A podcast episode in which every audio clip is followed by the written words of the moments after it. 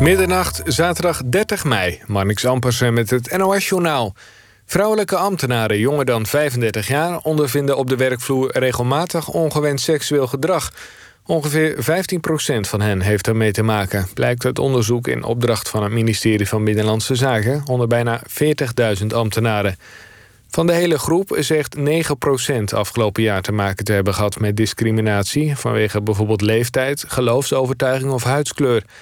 De meeste klachten gingen over mensen van buiten de organisatie. In TBS-klinieken en jeugdinstellingen is vanaf dinsdag weer bezoek welkom, heeft minister Dekker laten weten aan de Tweede Kamer. Er wordt gewerkt met plexiglas om het risico op besmetting te beperken. Dekker heeft ook groen licht gegeven voor een proef in drie reguliere gevangenissen met bezoek achter plexiglas. Verder mogen gedetineerden vanaf dinsdag in uitzonderlijke situaties de gevangenis verlaten, voor bijvoorbeeld de uitvaart van een familielid. De Verenigde Staten zeggen definitief de samenwerking op met Wereldgezondheidsorganisatie WHO. Volgens president Trump heeft de WHO de afgelopen tijd te weinig hervormingen doorgevoerd. Hij dreigde anderhalve maand geleden al de banden met de WHO door te snijden. Volgens Trump heeft de organisatie gefaald in de bestrijding van de coronapandemie. De VS betaalde 450 miljoen dollar per jaar aan de WHO. Dat is 15% van het totale budget. Advocaat Galit Kassem heeft vijf jaar geleden informatie gelekt... uit een lopend strafonderzoek aan Ridouan Taghi. Dat meldt het AD. Die gelekte informatie zou gaan over een grote wapenvondst in Nieuwegein. Een deel van de mannen die hiervoor werden opgepakt... zouden banden hebben met Taghi. Kassem ontkent dat hij heeft gelekt. Het weer. Het koelt af naar een graad of 8. Overdag eerst zonnig, later ook wat stapelwolken. Het wordt 20 tot 26 graden. Zondag wordt het iets koeler, het blijft wel droog. De dagen daarna veel zon en op steeds meer plaatsen zomers warm. Dit was het NOS Journaal. NPO Radio 1. VPRO. Nooit meer slapen.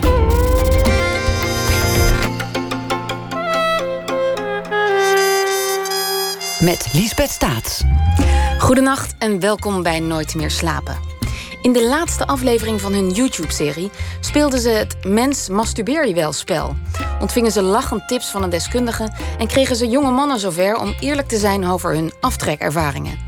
Sekszusjes TV is in twee seizoenen een hit geworden. Gisteravond wonnen Christa en Marcelle Ariens de prestigieuze Best Social Award voor hun YouTube-serie. Hun online seksuele voorlichting is in totaal al 2,5 miljoen keer bekeken.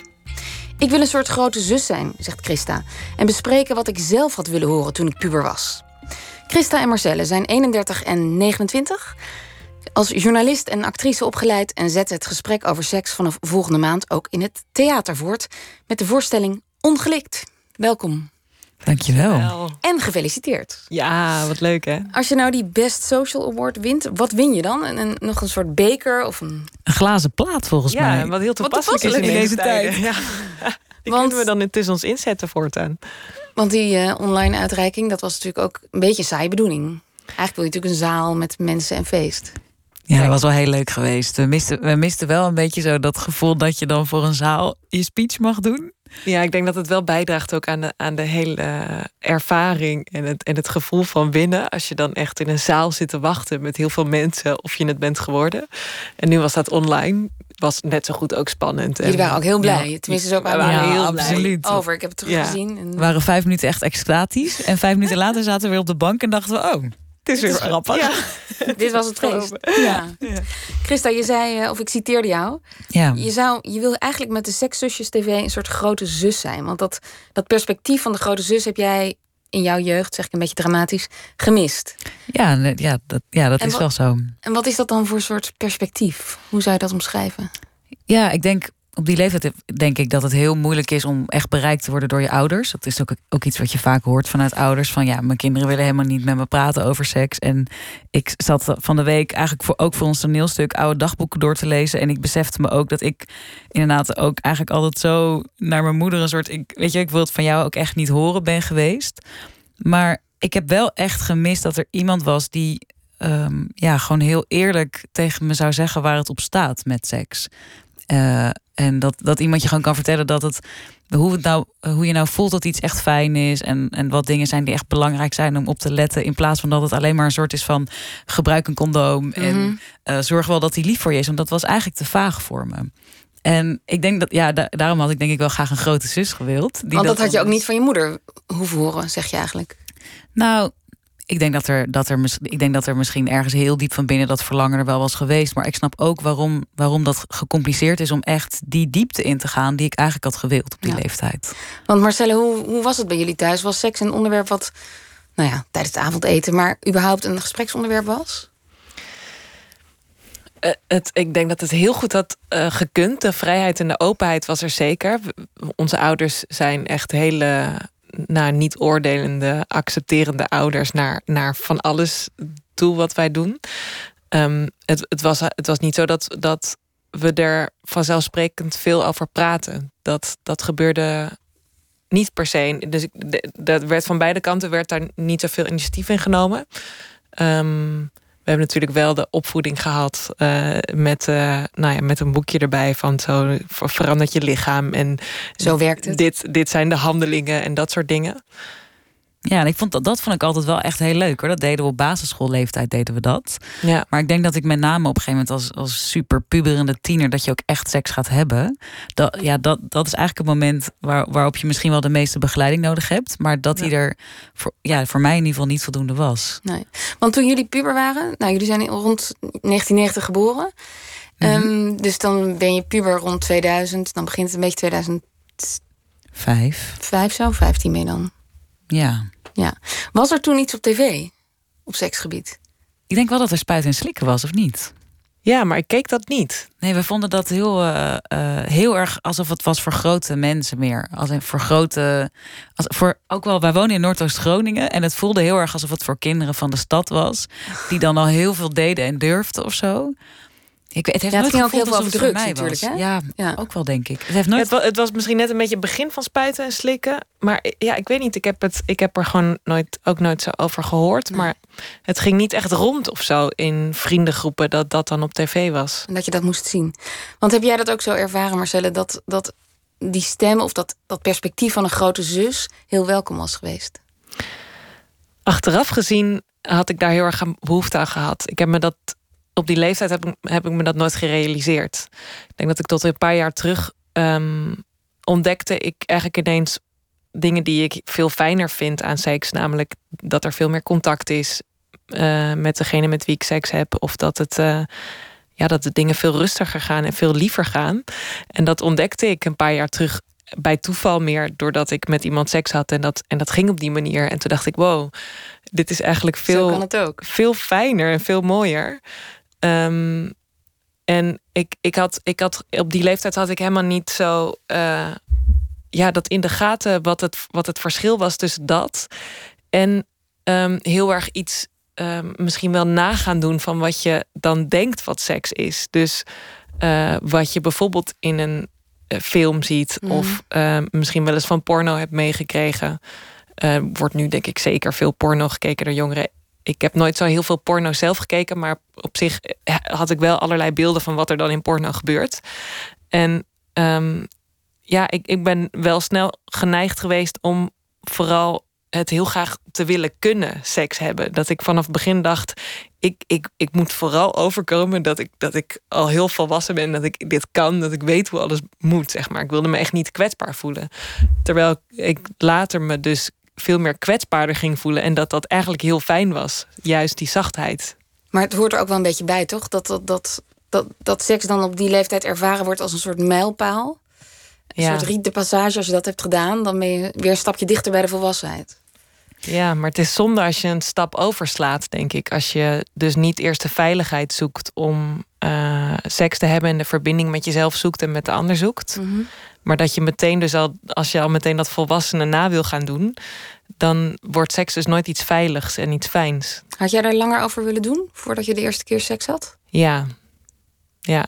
Ik had er, ik had er denk ik, ik had, het was sowieso was het fijn geweest om wat later te beginnen. Maar het was ook heel fijn geweest als ik had geweten wat ik dan zocht in de seks. En dat dat, um, als ik daar gewoon dan wat meer een beeld bij had van. Mhm wat is dan fijne seks en waar ga je dan eigenlijk voor jezelf naar op zoek op het moment dat je start met seks hebben? En is het, ik zit nu hard op te denken, maar seks is ook een beetje, ja, daar moet je drie keer een beetje klunzig in zijn. En, en dan een beetje door schade en schande, binnen alle grenzen natuurlijk. Maar het is ook zo'n soort ervaringsding van het leven. Kun je daar helemaal op voorbereid zijn? Nou, maar dan moet je wel weten dat je dus klunzig mag zijn. Ik denk dat dat daar heel erg over gaat. Want ik ben nu eigenlijk veel klunziger uh, in seks dan dat ik toen was. Omdat ik toen het allemaal juist wilde verbergen, de klun klunzigheid. En nu snap ik, oh wacht, ik mag gewoon ergens aan beginnen. En dan denk ik, nee, dit is het toch niet. Ik, vind dit, ik heb hier nu geen zin in. Uh, uh, en dat dan veranderen en dat dan zeggen, weet je wel. Ook, al, ook al was het misschien, zag het er uh, heel passioneel uit. Maar dat ik dan toch denk, nou ja, dit, dit, dit, hier heb ik op dit moment helemaal niet zo'n behoefte aan. Ik wil eigenlijk gewoon weer in bed liggen met je. En ik wil gewoon weer uh, missionaris doen, bij wijze van spreken. gewoon iets wat, wat misschien dan ja, volgens een boekje wat sneller saai gevonden kan worden. Maar als dat op dat moment dat zo voelt, dan, dan, dan kan dat voor mij ook als een klunzig moment voelen. Maar dan, dat is dan de ontdekking. En die vrijheid voel ik nu veel meer dan, dan toen. Die had ik toen ook wel graag willen hebben. Ik uh, heb het even nagezocht. In 1972 was de eerste seksuele voorlichting op tv. In 1974 viel het woord neuken voor het eerst op de Nederlandse tv. Nou, dan is er in de jaren 80 helemaal heel weinig gebeurd. Dan was er in 1990, rond jullie geboortejaar, uh, Seks met Angela, Groothuizen. Mm -hmm. En in 2003 was BNN de eerste met Neuken doe je zo van Bridget. Dan gaan we een klein fragment horen. Welkom bij alweer de zesde aflevering van Neuken Doe Je Zo. En vanavond gaan we het hebben over vreemd gaan. Ja, natuurlijk doet niemand het, maar uit ons onderzoek blijkt dat dat niet helemaal waar is. Daar straks meer over. We beginnen met anale seks. Ja, waarom ook niet? Hier is Bo. De anus is erg gevoelig voor prikkelingen vanwege de talloze zenuwen die er eindigen. Gebruik bij anale seks altijd een condoom. Je kunt bij de drogist speciale extra sterke condooms voor anale seks kopen. Nou, dat was 2003. Bo, dat, dat, kon je dan niet nu zien, maar er stond bij erotisch model. Dus hij was een soort oh. expertise, ervaringsdeskundige. Leuk zeg. Nou, spuit, en slikken, spuit en slikken viel al. En dan de Dr. Corrie Show voor een beetje jongere jeugd. Wat maakt de Sekszusjes TV anders dan al die programma's? Ja, dat, dat het echt heel erg over gevoel gaat. Dus ik denk, het grappig, want wat je net hoort is eigenlijk heel technisch. Hè? Over als je, als je anale seks gaat hebben, gebruik een condoom, gebruik glijmiddel. Um, en dat Jullie is, hebben ook een aflevering over anale seks gemaakt. Ja, nee, Dat, ging, dat ging helemaal niet over. Ja, dat hebben we natuurlijk wel, dat hebben we wel genoemd. Maar eigenlijk meer als een soort, omdat je dat niet aan je voorbij kan laten gaan als een soort moedje. Maar dat is zeg maar dan voor ons een 1% van je aflevering. En de rest van de aflevering gaat helemaal over: hey, wat is, wat is, hoe kan je eigenlijk voelen uh, of dat, uh, of dat oké okay is voor je? Um, hoe zorg je ervoor dat je, als je het wil proberen, dat het ook echt een prettige ervaring wordt? Want het kan ontzettend pijnlijk zijn. Um, ik zie jou ook echt heel erg moeilijk kijken als ik dat zeg. Nou ja, ik, ik, ik bedoel, als ik dat had uh, 2003, toen keek ik dat niet. Nee. Maar ik denk dat je veel beter geholpen bent, wat jullie ook doen. Eerst daarover praten wat het überhaupt voor jou zou kunnen betekenen voordat je de technische details. Uh, ja, nee, zeker. En, en ik denk ook juist, want een van de dingen die ons ook best wel aan het hart ging, is dat we hoorden van uh, vanuit de GGD's dat er steeds meer uh, meiden zijn van een jaar of 15 met anale chlamydia bijvoorbeeld. En het zijn dingen die best wel uit porno ook komen. Uh, het is natuurlijk heel makkelijk om te zeggen dat porno overal de, schuld, de schuldig in is. Maar ik denk wel altijd dat het zo belangrijk is dat er iets tegenover porno staat. En juist als je het gaat hebben over het gevoel. En ook, weet je, dan ook dat, dus, ja, dat het dus eigenlijk iets heel erg onprettigs kan zijn. Maar ook als je het op de goede manier doet voor andere mensen waar iets heel, heel prettigs kan zijn. Ja, ik denk dat je dan dat de focus dan veel meer klopt dan of het een kunstje is wat je kunt doen. Ja. Hebben jullie toevallig die um, documentaire van Sunny Bergman gezien? Seks. Nee, The Sunny Side of Sex. Nee. dan de hele wereld rond of een aantal landen en dan op zoek naar hoe mensen met seks omgaan. Oh, ja. dat Cuba-fragment was ook was heel. Ik heb wel wat gezien. Ja, ik heb er wel even geleden weer, maar ik heb ze volgens mij, ik heb er twee of zo van gezien. Nee, ik moest eraan denken, want omdat jullie het hebben over de grote zus. Uh, in Oeganda kwam ze toen in gemeenschappen waar ze erachter kwam dat het in Oeganda heel gebruikelijk is dat je een soort aunties, een soort tantes hebt, een soort sekstantes eigenlijk, die jonge meisjes een beetje wegwijs maken. Ja, dat is dan niet direct je moeder, maar misschien iets veiliger of prettiger om over te praten. Dus die meisjes die eigenlijk volledig voorgelicht betreden ze het, uh, het seksveld. Het zijn ook een soort sekszusjes dus eigenlijk. Ja, het sekstantes. Ze waren ook wel iets ouder dan jullie. En Marcelle, jij werd gevraagd door Christa om mee te doen aan het programma. Mhm. Eerst twijfelde je. Waar zat die twijfel? Ja, klopt. Ik, nou, ik was uh, zelf was ik veel aan het trainen en het coachen. Um, en mensen in hun persoonlijke ontwikkeling aan het helpen. En we hadden het daar wel eens eerder over gehad om iets met onze dynamiek te doen. Omdat we wel, omdat we gewoon voelden, we kunnen zo goed over kwetsbare thema's met elkaar praten. En eh, dus, dus mijn gedachte is dat nog iets meer op, op misschien uh, ergens dan ook een soort expertise in hebben.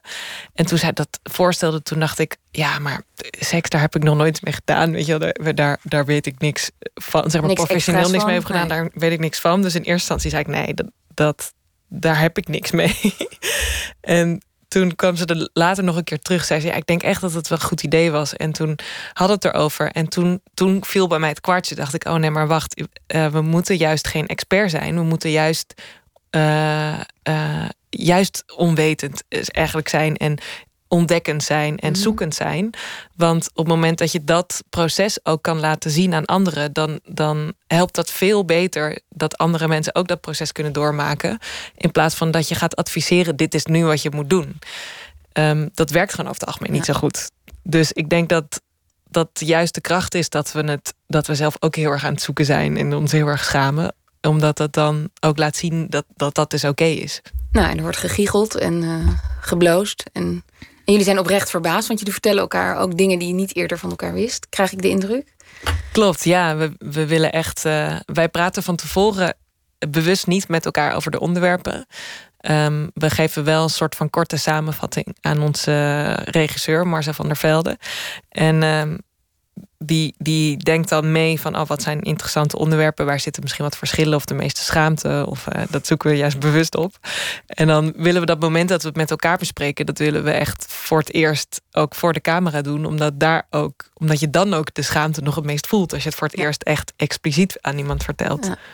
En Christa, had jij het met iemand anders dan Marcelle kunnen maken? Nee, natuurlijk niet. Nee, maar, nee, maar dat meen ik ook eigenlijk wel. Omdat het.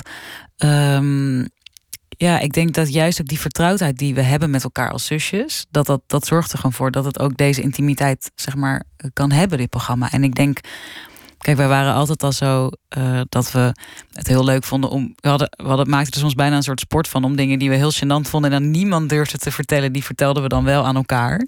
Van jongs af aan al was Nou, dat, dat zijn we al wel behoorlijk jong mee begonnen, ja. Ja.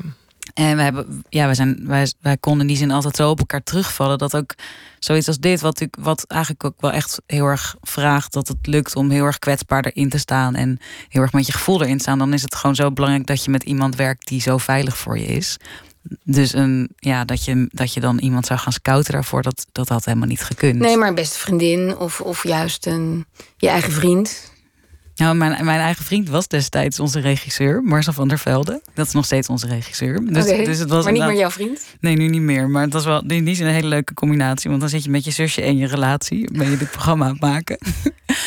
um, maar juist dat gênante, of een beetje, je glimlacht nu ook. Zo van, oh ja, je bent je bewust van de situatie. Ja. Dat zoeken jullie op. Ja, ook Marcelle wel. zei net ook al in een bijzin, ja, als het extra schamend is, dan. Uh... Ja, maar ook wel omdat op het moment dat, dat, dat je je dus gaat schamen, dan betekent dat dus dat je er meestal voor jezelf een oordeel op hebt zitten. Of dat je iets er heel lastig aan vindt om erover te delen. En daar wordt het eigenlijk interessant. Omdat het juist die oordelen zijn die we hebben over hoe we onszelf moeten gedragen in de seks. Of hoe seks erover, eruit zou moeten zien. Die zorgen er eigenlijk voor dat je zo ver van jezelf verwijderd ook kunt raken tijdens de seks. Dus dat, ja, dus daarom zoeken we dat op. Ja. Je zei in een interview, Christa, dat ehm, die aflevering over instemming, of over hoe je, hoe je ervoor kunt zorgen dat je het allebei even leuk vindt, of ongeveer even leuk, die serie, of die, die aflevering is voor de serie eigenlijk de kern. Dat is eigenlijk de belangrijkste die we hebben gemaakt. Ja. Waarom vind je dat? Nou, omdat voor mij, ik denk dat ja, de reden waarom waarom ik hier überhaupt heel graag iets mee wilde doen, is omdat ik het altijd heel moeilijk heb gevonden om aan te voelen of ik er echt mee instemde met de seks. En dat is bij mijn eerste vriendje uh, ook gewoon eigenlijk heel erg vaak heel erg misgegaan. Uh, maar daar heb ik nooit me echt goed over durven uiten.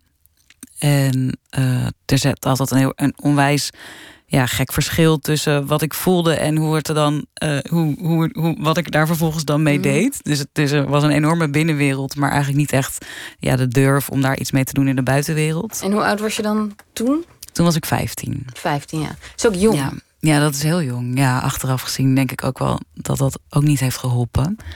Nee, maar, maar los van de seks, maar ook jong om sowieso aan te geven wat je vindt. Ja.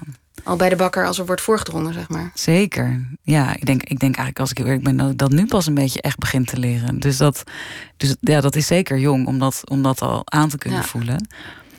Um, maar ik denk dat dus de, met name dat onderwerp, dat is iets wat me eigenlijk altijd gewoon blijft raken. En waarin ik ook zo lang heb gezocht van hé, hey, hoe weet ik eigenlijk of ik hiermee instem? En eigenlijk pas, Marcelle raakte dat net ook al even aan. Eigenlijk pas op het moment dat ik een vriendje kreeg, uh, waarbij ik opeens, Marcel van der Velde, daar is hij weer, uh, heel erg aanvoel. Waarom is hij er niet? We hebben hele goede referenties voor hem. Um, door hem ging ik eigenlijk opeens voelen hoe het was om echt fijne seks te hebben. En daardoor ga je opeens beseffen hoe het is om echt in te stemmen ermee.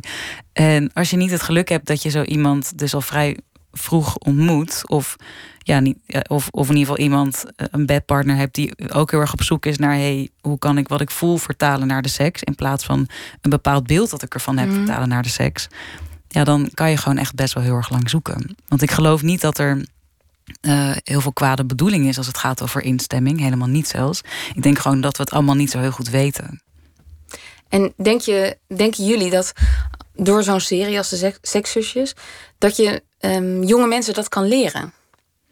Ik hoop wel dat, dat, dat je dat een beetje aan kan zetten. Omdat als wij er zo eerlijk over praten en er zoveel over delen, dat het dan, als je zelf in een relatie zit en je denkt, hé, hey, waar die meiden het over hebben, dat herken ik eigenlijk niet, maar ik verlang daar wel naar, dat het dan een beetje gaat schuren. Dat, dat is wat we dan hopen en dat het dus heel langzaam misschien dat ja, in beweging gaat brengen. Het lijkt niet alsof het een hele zware serie is, maar het is ook een hele vrolijke serie. Want jullie um, zitten in een zelfgebouwd decor. Jullie houden van knutselen van jongs af aan, las ik. En dat doen jullie ook tijdens de uitzending. Dus jullie kleien piemels en... Uh, nou, wat nog, nou noem, het, maar op. En scènes uit jullie uh, eigen levens kleien jullie na. En er zijn uh, sketches en er is muziek. We gaan even luisteren naar een nummer. En dat, jullie moeten het even in, inleiden. Het komt uit de aflevering over schaamhaar. Ja. En het heet Kinderkut. En de video heeft wel inleiding nodig, inderdaad. Want anders denk je echt, waar gaat dit over? Het is ook wel jammer dat, dat de, de video er niet is. Want in een soort ah, kinderen voor kinderen, of soort, een soort kopie van kinderen voor kinderen. Ja, ja in vrolijke jaren negentig kleuren. Het is inderdaad een beetje een uh, kinderen voor kinderen remake. En het, uh, de, de aflevering ging over schaamhaar. En we ontdekten eigenlijk hoe eh, beïnvloedend een, een trend is. Want wij hebben vanaf jongs af aan al bedacht... nou, het is of kaal of een streepje, zo moet je je schaamhaar hebben. Maar goed, dat is natuurlijk ook heel erg de tijdsgeest... dan waarin je opgroeit. En vervolgens neem je dat je hele leven lang mee. Dat, is, dat vonden we zo'n bizar gegeven eigenlijk, dat, dat dat al zo werkt. Ehm, dat we dus eigenlijk pas weer bij het maken van de aflevering er zelf over na gingen denken van, oh, maar hoe wil ik mijn schaamhaar eigenlijk even los van in welke tijdsgeest ik ben opgegroeid. Dus we wilden juist met dat um, beetje het Kinderen voor Kinderen lied, uh, wat we in jaren tachtig stijl hebben uh, nagemaakt, wilden we juist dat gaan neerzetten. Dat, dat het zo gaat om. Dat het maar net gaat om wat de mode is. Want in de jaren tachtig was het heel raar geweest. Als je een uh, helemaal kaal geschoren kut had gehad. dus. Uh, Dan was je de uitzondering. Ja, en, en het heet kinderkut omdat onze moeder wel eens tegen ons heeft gezegd. Dat doen we ook in de aflevering. Onze moeder die heeft wel eens tegen ons gezegd: nee, een kale kut is een kinderkut. en dus we hadden dat nooit doen. We hadden dat allebei onthouden. En we hadden allebei om die reden hadden wij dus ook nooit een kale kut. Want we dachten nee, dat is een kinderkut.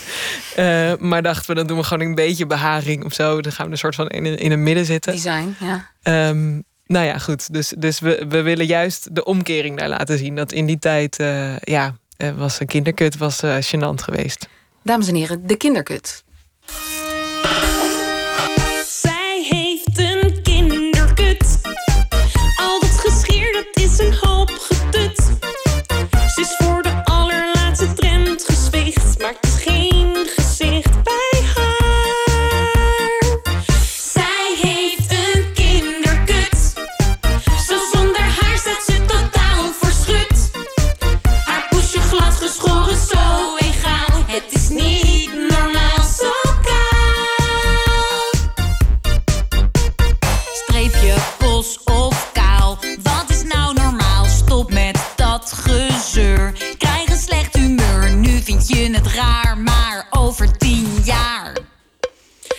Niemand daar meer haar.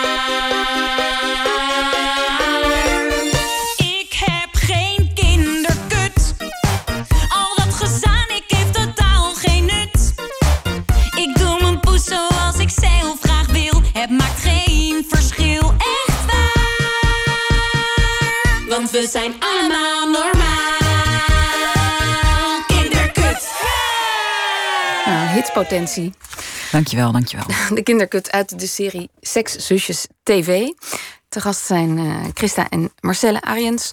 En we praten over nou, de prijs die jullie hebben gewonnen. De, so- de Best Social Award voor hun YouTube-serie Sekszusjes TV. Net viel het woord schamen al even. Ehm, als het schaamt, is het goed. Of als het schamend voelt, dan, dan, dan klopt het. Marcelle, waarom klopt het als het gaat over schamen? Of als jullie je een beetje ongemakkelijk voelen in die serie? Omdat ehm, op het moment dat ik me ergens over schaam, dat betekent dat dat ik niet gewend ben dat mensen daarover praten.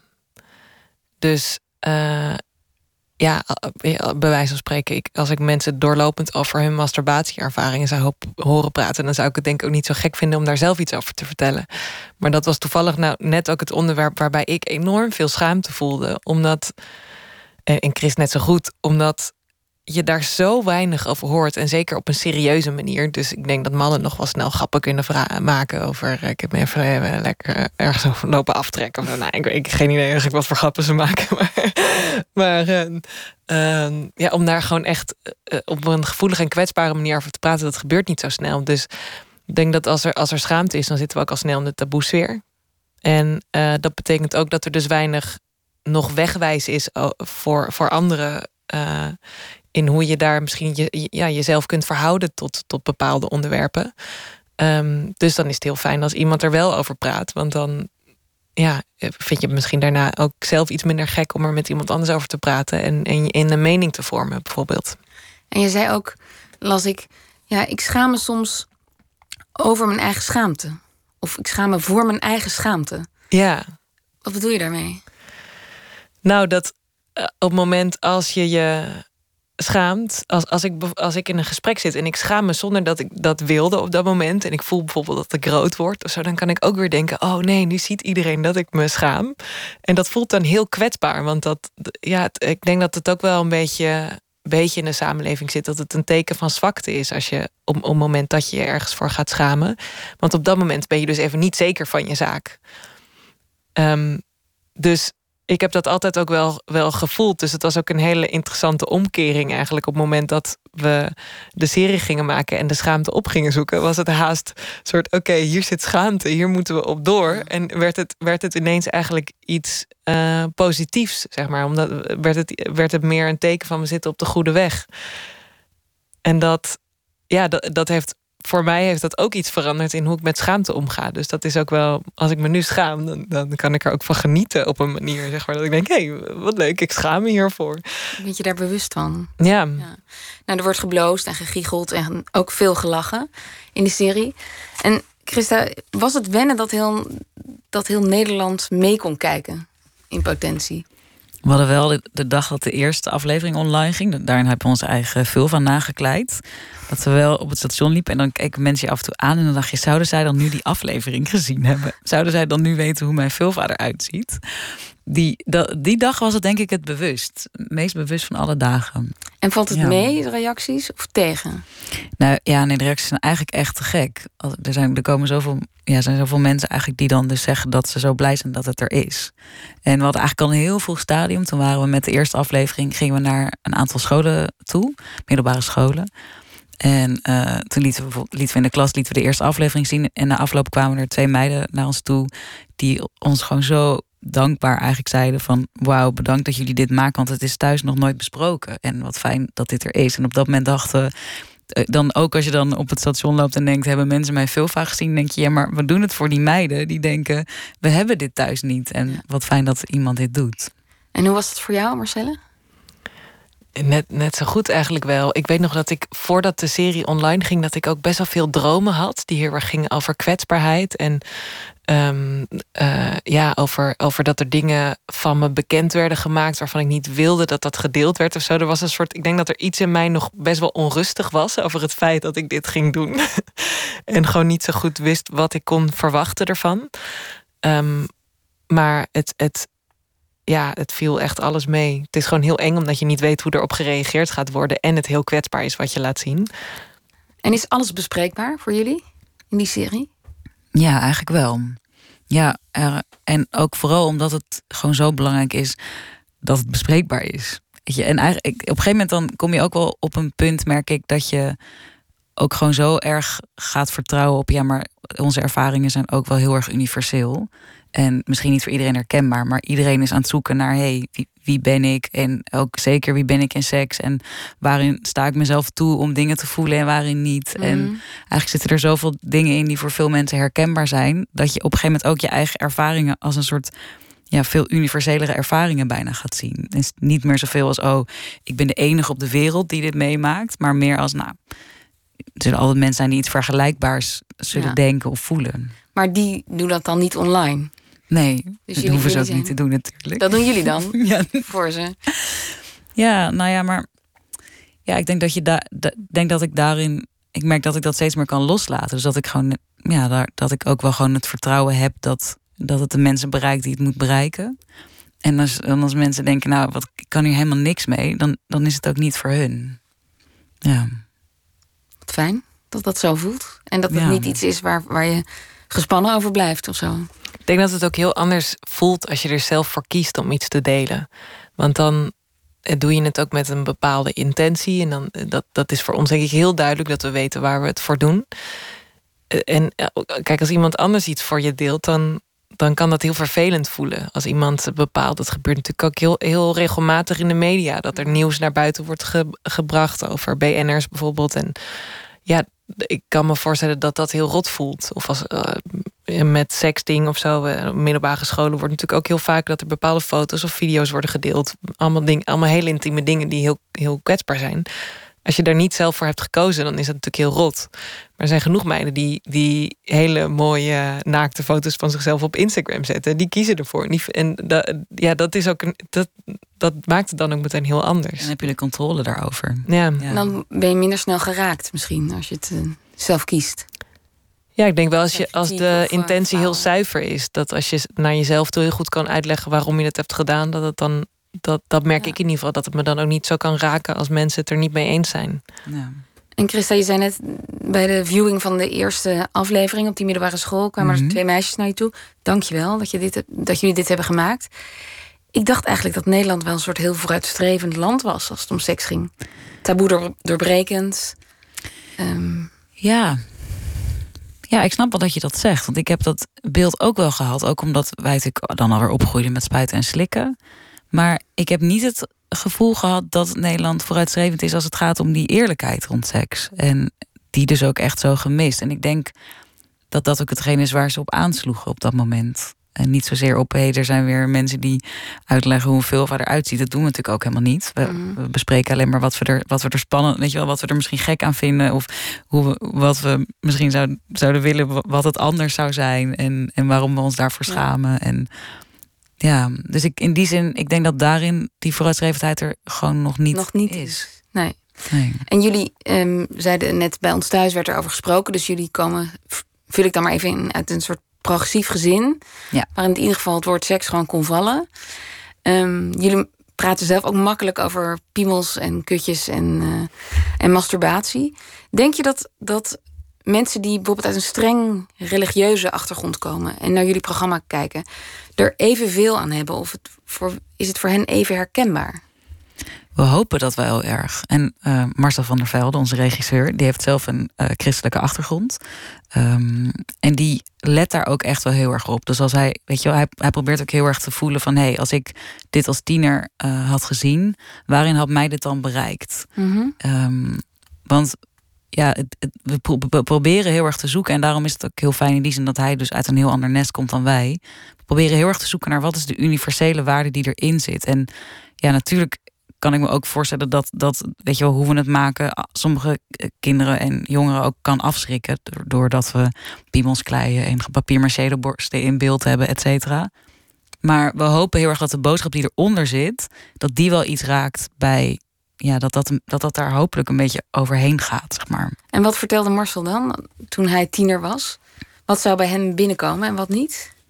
Nou, waar hij, wat, hij, wat hij bijvoorbeeld heel erg lastig altijd heeft gevonden, is dat er dan bijvoorbeeld eh, in het geloof wordt, eh, werd gesproken over homoseksualiteit is verkeerd. Maar dan kwamen er twee mannen op school eh, praten over homoseksualiteit. En dan dacht hij, hé, maar dit zien er ziet er voor mij uit als twee hele eh, vriendelijke mensen. En dan kwam je thuis en dan ging je vragen van... hé, hey, ik, er waren twee homo's op school en ze waren heel erg tof. En dan waren zijn ouders eh, zoiets van... nee, maar dat kan niet waar zijn. En ik denk, dus voor hem was het misschien eigenlijk... misschien ergens ook wel hetzelfde in a way als voor mij... dat je ding, bepaalde dingen zelf voelt... en dat die niet kloppen bij de dingen die je aanleert vanuit je omgeving. Maar hij leerde dan andere dingen aan dan ik... over Ja. wat seks zou moeten zijn. Maar er zullen misschien ook kinderen zijn, of jongeren, die kijken en die dan bevestigd worden. In wow, als je, als je zomaar over seks praat en je hebt seks voor het huwelijk, dan kan dit misgaan. Of dan, dan is het spannend of eng.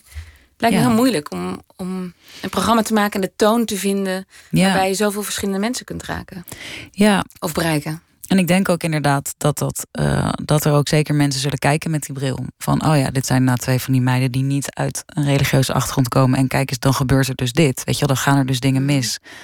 Maar het is niet zo dat er niet dingen misgaan als je, eh, als je religieus bent. Nee. Weet je wel, daar, Nee. daar gaan natuurlijk ook dingen mis. Maar, en dan misschien weer andere dingen dan dat er bij ons zijn mis, misgegaan. En misschien soms ook wel precies dezelfde. En wat hoop je dan dat er blijft hangen?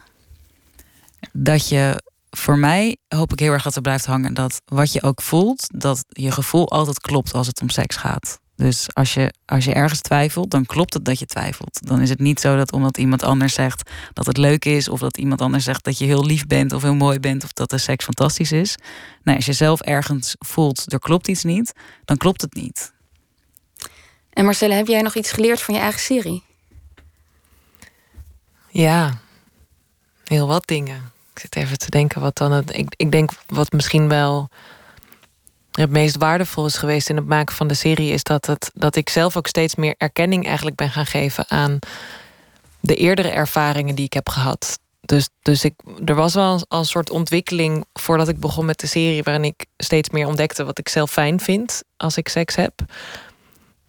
Uh, maar zeker ook bijvoorbeeld door het maken van zo'n aflevering als Spijt van Seks. Daar ging ik toen, ik toen ik daarin stapte, toen dacht ik in eerste instantie, nou, is mij eigenlijk nooit echt iets gebeurd als het gaat om uh, uh, geen instemming geven. Zeg maar. mm -hmm.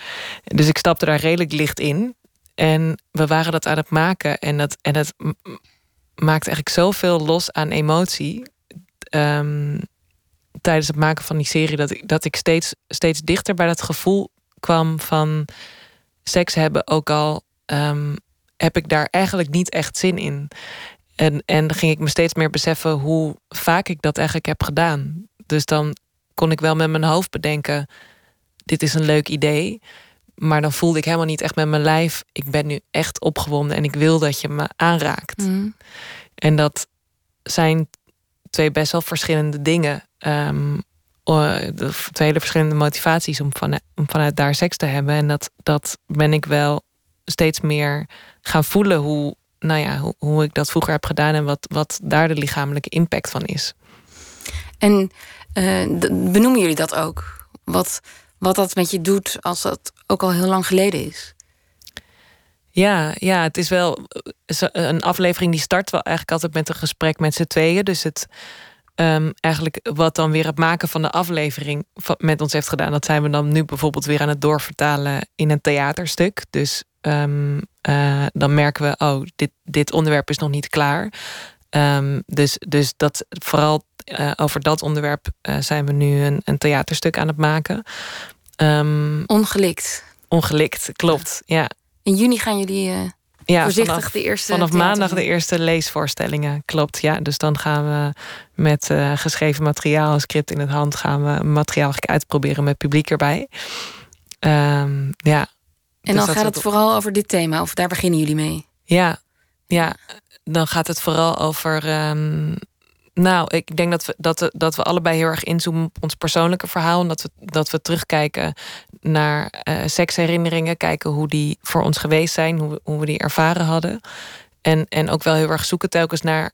ehm, wa- wat, ja, wanneer was de... Hoe, heb, hoe hebben we die seks nou ervaren? En, en hoe eh, hebben we seks op een manier die fijn voor ons is? Dat dat sowieso onze zoektocht in ons eigen seksleven is geweest. En dat we die, dat we die nog meer dus ook neerzetten in de theatershow. Om ehm, ja, hopelijk mensen ook wel bewuster te maken van dat proces. Want we merken hoe meer we met dit onderwerp eigenlijk doen en hoe meer gesprekken we daarover voeren, hoe meer er ook echt een soort van belletjes gaan rinkelen bij mensen. Van hé, hey, eigenlijk eh, ja, heb ik, heb ik dit ook wel regelmatig. Dat ik, dat ik seks heb omdat ik denk, dit is nu een leuk avontuurtje. Of eh, eh, nou ja, om wat voor reden dan ook. Maar dat is dus heel erg vanuit het denken en niet zozeer vanuit Voelen. contact met het lichaam. Ja.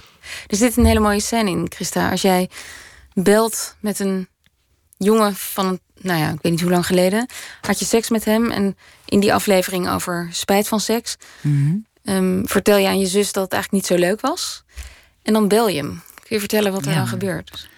Ja, nou, dat was eigenlijk een heel erg tof moment. Want ik bel hem voor het eerst sinds twaalf jaar op. Ehm, Twaalf jaar was het Ja, er zat twaalf jaar tussen. Ja, en eh, ik heb hem eigenlijk ook niet echt gesproken daarna. Ik- Alleen eventjes dat ik hem graag wilde bellen voor ons programma... om hem iets te vragen over die keer seks. Ehm, dus ik denk ook dat hij... Ik denk niet, helemaal niet dat hij dit verwacht had. Vond, vond ik ook niet, maar dat merk je ook aan zijn reactie. Maar eigenlijk reageerde hij zo open erop. En dat vond ik echt heel tof. Dus gewoon een soort van, hey, Ja, kun je nog even kort vertellen wat er gebeurd was? Ja. Of de reden waarvoor je hem belde? Ja, ik, ehm, ik, was, ik was uit eh, in een kroeg en ik was echt ontzettend dronken aan het worden. En ik heb met hem staan zoenen in die kroeg. En eh, op een gegeven moment eh, zijn we blijkbaar die kroeg uitgegaan, maar er komt, zit gewoon een onwijs zwart gat in mijn herinnering. En eh, eigenlijk tussen de kroeg en het moment dat ik in het huis van zijn ouders blijkbaar opeens soort wakker werd, onder een bijkwam, onder een kerstboom, opeens nuchter werd eh, en seks met hem aan het hebben was, daar zat gewoon een heel groot zwart gat tussen. Dus wat daar is gebeurd, is gewoon heel onduidelijk. Misschien dat ik daar volledig in mee ben gegaan. Ja, dat wist ik eigenlijk gewoon niet. En je belt hem op en hij schrikt wel van Ja hij, schrikt, ja, hij schrikt zeker. Hij vond het echt een rot gevoel. Ik heb hem daarna ook nog eventjes gesproken. Eh, maar wat ik zo tof vind aan het moment, want hij, ja, hij was eigenlijk gewoon heel erg open met me daarover aan het praten. Van, oh, weet je wel, wat ontzettend rot dat je dat, dat, dat gevoel bij jou heeft ge- eh, gegeven. En eh, dat hij dat ook heel graag anders had gewild.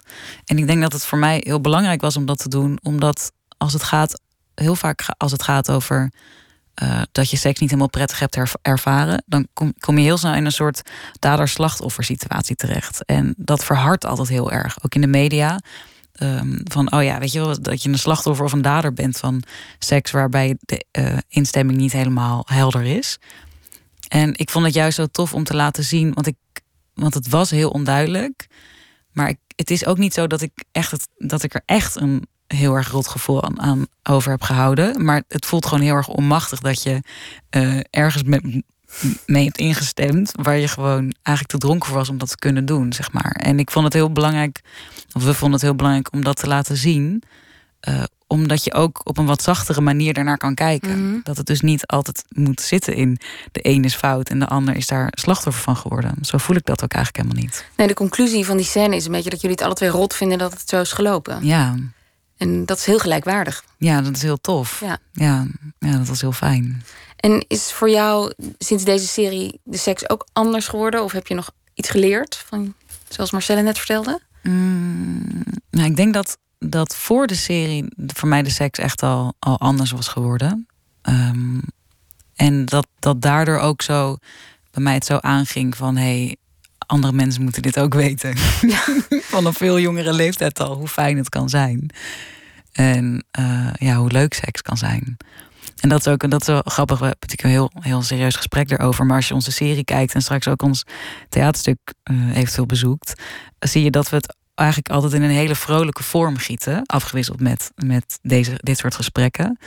Uh, en dat is juist ook omdat eigenlijk als je op een gegeven moment weet hoe het leuk kan zijn, of wat, wat er fijn is, uh, dan kom je er eigenlijk ook pas achter wanneer je, wat je niet wil of wat er niet fijn is. En, um... Er zit een seksuoloog in een van die afleveringen die zegt: um, Ja, eigenlijk leren meisjes altijd... Ja, je moet nee zeggen. Maar het is eigenlijk belangrijker om ja te zeggen. Helemaal mee eens. Ja, vond Ja. eigenlijk een hele duidelijke, korte uitleg. Ja. Om- ja, dat vind ik zowel voor jongens als voor mij het geval. Ja. Ja, Het lijkt me ook heel lastig inschatten voor jongens of een meisje wil als de code, gedragscode een beetje is van oh nee, ze stopt je wel eh, op het moment dat ze het niet wil. Dus dat betekent Oh ja. eigenlijk dus als jongen dat je je gang gaat totdat je een hele duidelijke nee hoort. Maar dat is natuurlijk heel gek, want dan ga je helemaal niet meer kijken naar lichaamstaal en of iemand echt met zijn lichaam ja aan het zeggen is. En er wordt ook altijd echt wel van jongen, je, jongens verwacht dat ze initiatief nemen. Als in ook in de kroeg dat ze op je afstappen. Ja. Dus het is ook, weet je, dat is natuurlijk zo onduidelijk. Ook voor, ja, er is gewoon zoveel onduidelijkheid daar. Waarvan ik denk dat het zo goed is als die onduidelijkheid minder wordt. Want dan gebeurt er volgens mij ook veel minder. Waar, waarbij we dan na afloop denken: shit, dit was toch misschien niet helemaal fijn. Want dat was heel gek. Iedereen die wij op straat ook spraken over dit onderwerp had een verhaal, jongens en meiden. En ook na afloop van die aflevering kwamen er zoveel jongens en meiden naar ons toe die zeiden: Wow, weet je wel, ik besef me gewoon opeens hoe vaak ik zelf over grenzen ben gegaan, maar ook hoe vaak ik over mijn grenzen heb laten gaan. En ja, dat was gewoon heel mooi om te zien wat dat dan, wat dat dan opent. ik weet niet hoeveel mensen jullie gesproken hebben op straat... maar het viel mij op dat iedereen daar ook heel eerlijk over was. Ja. Er was geen stoerdoenerij of zo van... nee, bij mij gaat het altijd goed. Of, eh, er is ook wel behoefte dus om dat te delen, Ja, Ja. denk ik. Ehm, jullie zijn dus zussen. En eh, je zei net al, Christa, jij, ik had dit met niemand anders kunnen maken. En Marcella, in het begin zei jij, ja, onze dynamiek die werkt in die show. Hoe zou je jullie relatie omschrijven? Wat is die dynamiek? Ik denk dat wij op een bepaalde manier hebben wij echt wel twee andere karakters. Ehm, Vertel. Chris is altijd wel eh, wat, ja, gewoon eh, wat meer een energiebommetje en, en actief. En, en wat meer dat ze ergens een soort recht op afgaat. Ehm, ik ben echt wat rustiger en wat meer afwachtend. En eh, ehm, ja, ik, ik denk dat we, dat we daarin enerzijds elkaar ook heel erg aanvullen. Ik, ik, ik heb het altijd heel fijn gevonden om bij Chris te zijn, omdat dat me ook energie geeft. Dus, het, dus ik werd er ook actiever van.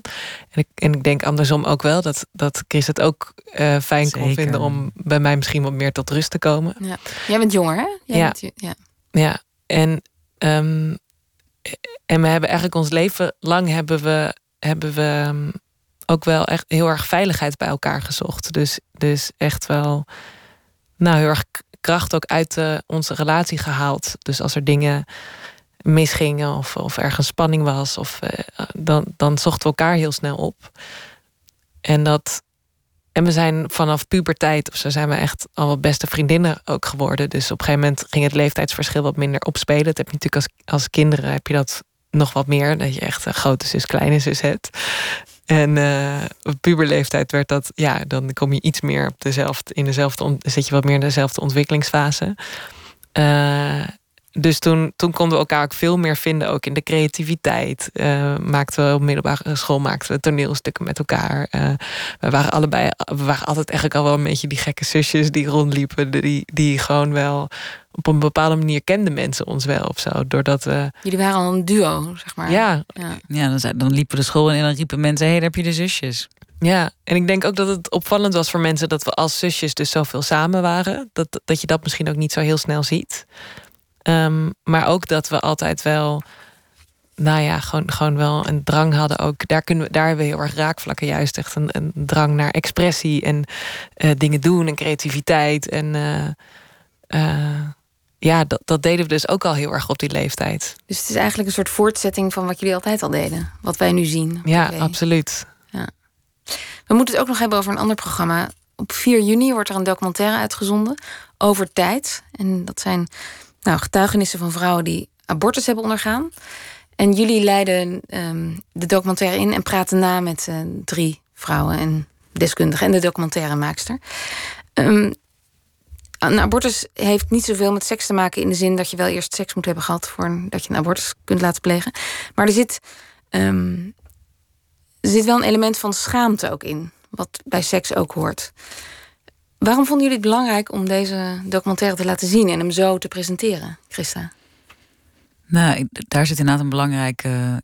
We werden hiervoor gevraagd. En ehm, met name, kijk, wat wij natuurlijk heel erg doen, is dat we dingen die eh, waar veel schaamte op zit, eh, of die moeilijk te bespreken zijn, proberen we bespreekbaar te maken. En daar zit denk ik heel erg overeenkomst ook met wat uh, de maakster van deze documentaire wilde doen, namelijk de emoties rond abortus bespreekbaar maken. En we konden heel erg aanhaken op dat gevoel. Dus dat het, weet je, dat het gewoon echt een rotgevoel is als er iets gebeurt in je lichaam of, wat, of iets wat heel intiem is.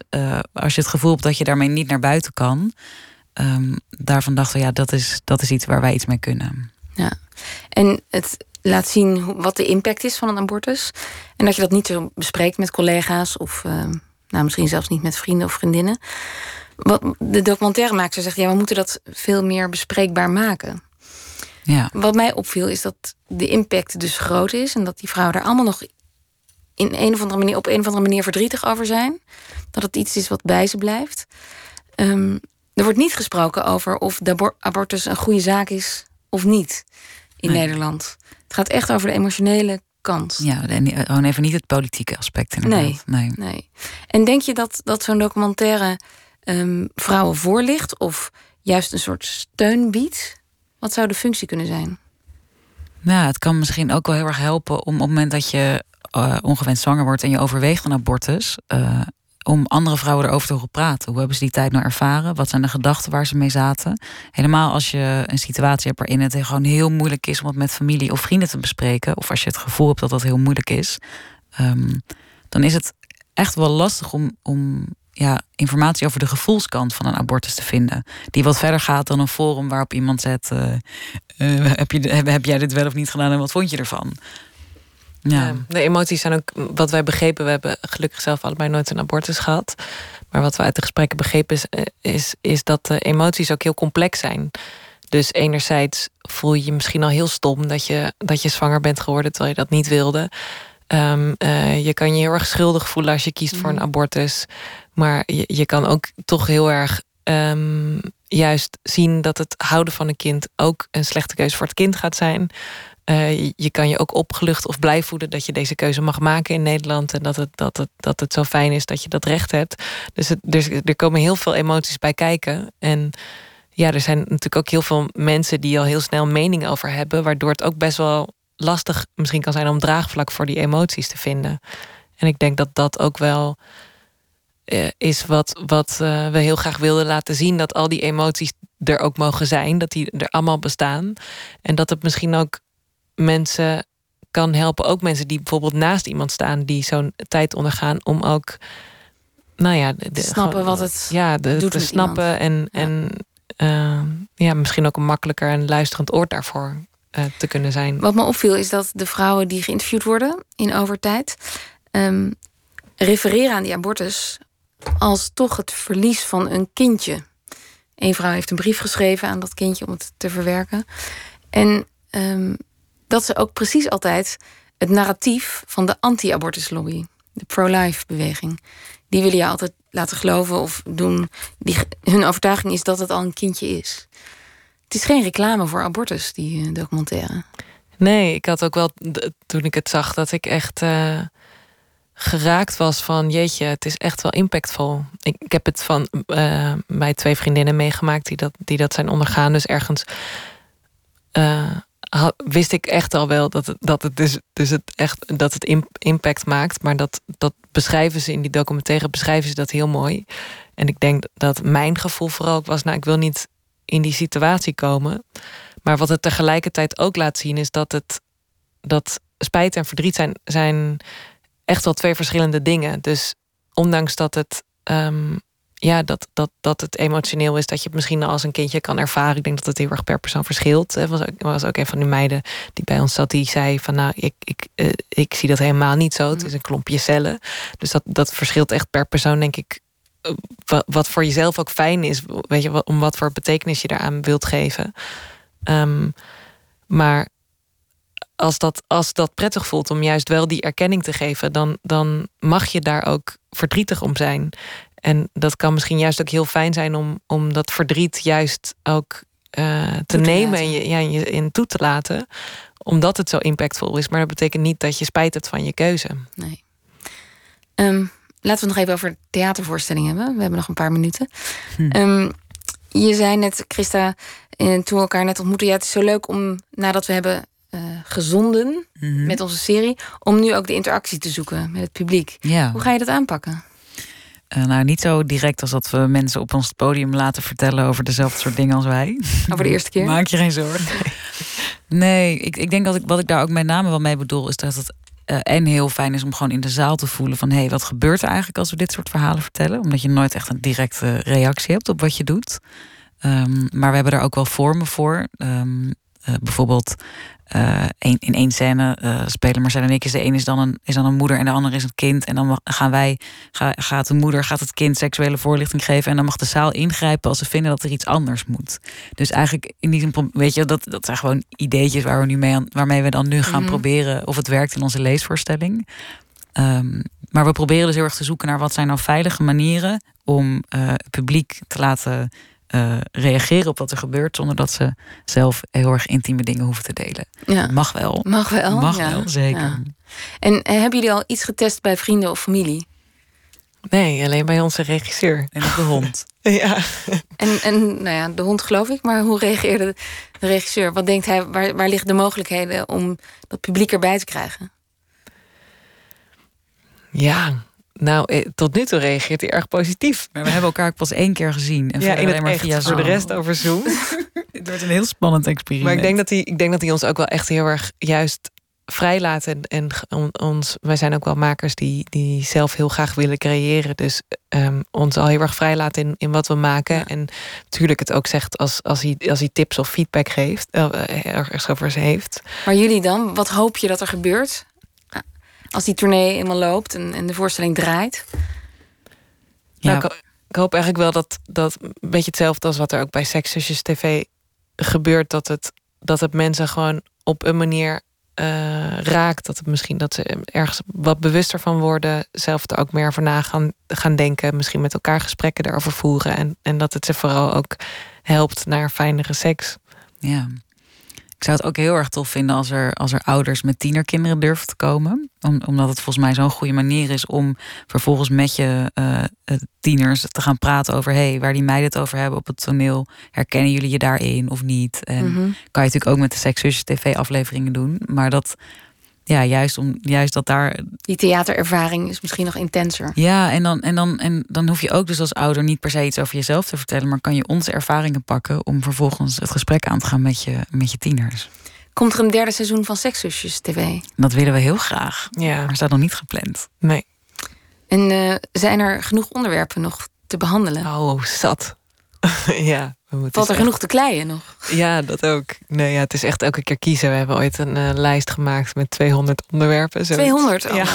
We kunnen nog wel even door. Waarschijnlijk is hij nog niet, niet af of compleet. En, eh, maar eh, nee, ja, er, er is nog, ik denk dat er nog genoeg te bespreken is. Ja. En jullie richten je nu op jongeren. Het is natuurlijk nooit te laat hè, voor volwassenen kan het een eh, maar enorme eye-opener zijn. We krijgen ook echt reacties van, eh, van mensen boven de 60.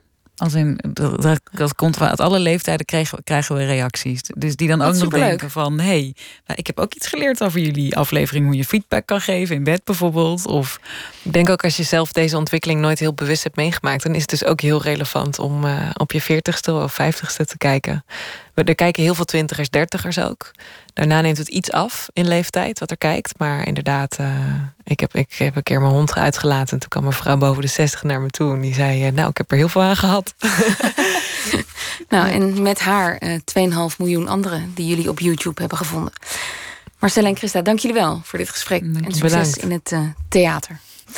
Tot zover Nooit meer slapen deze week. Maandag is onderzoeksjournalist Christian Triebert te gast.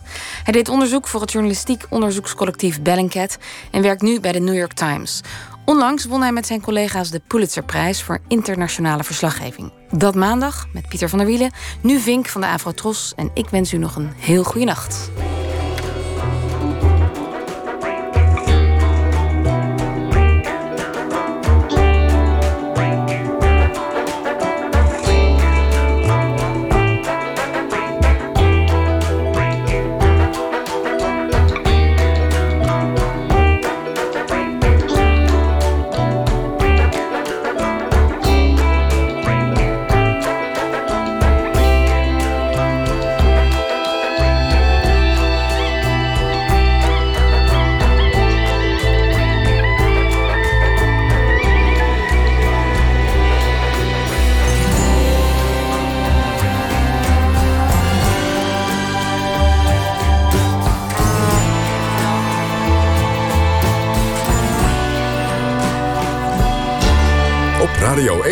Het nieuws van alle kanten.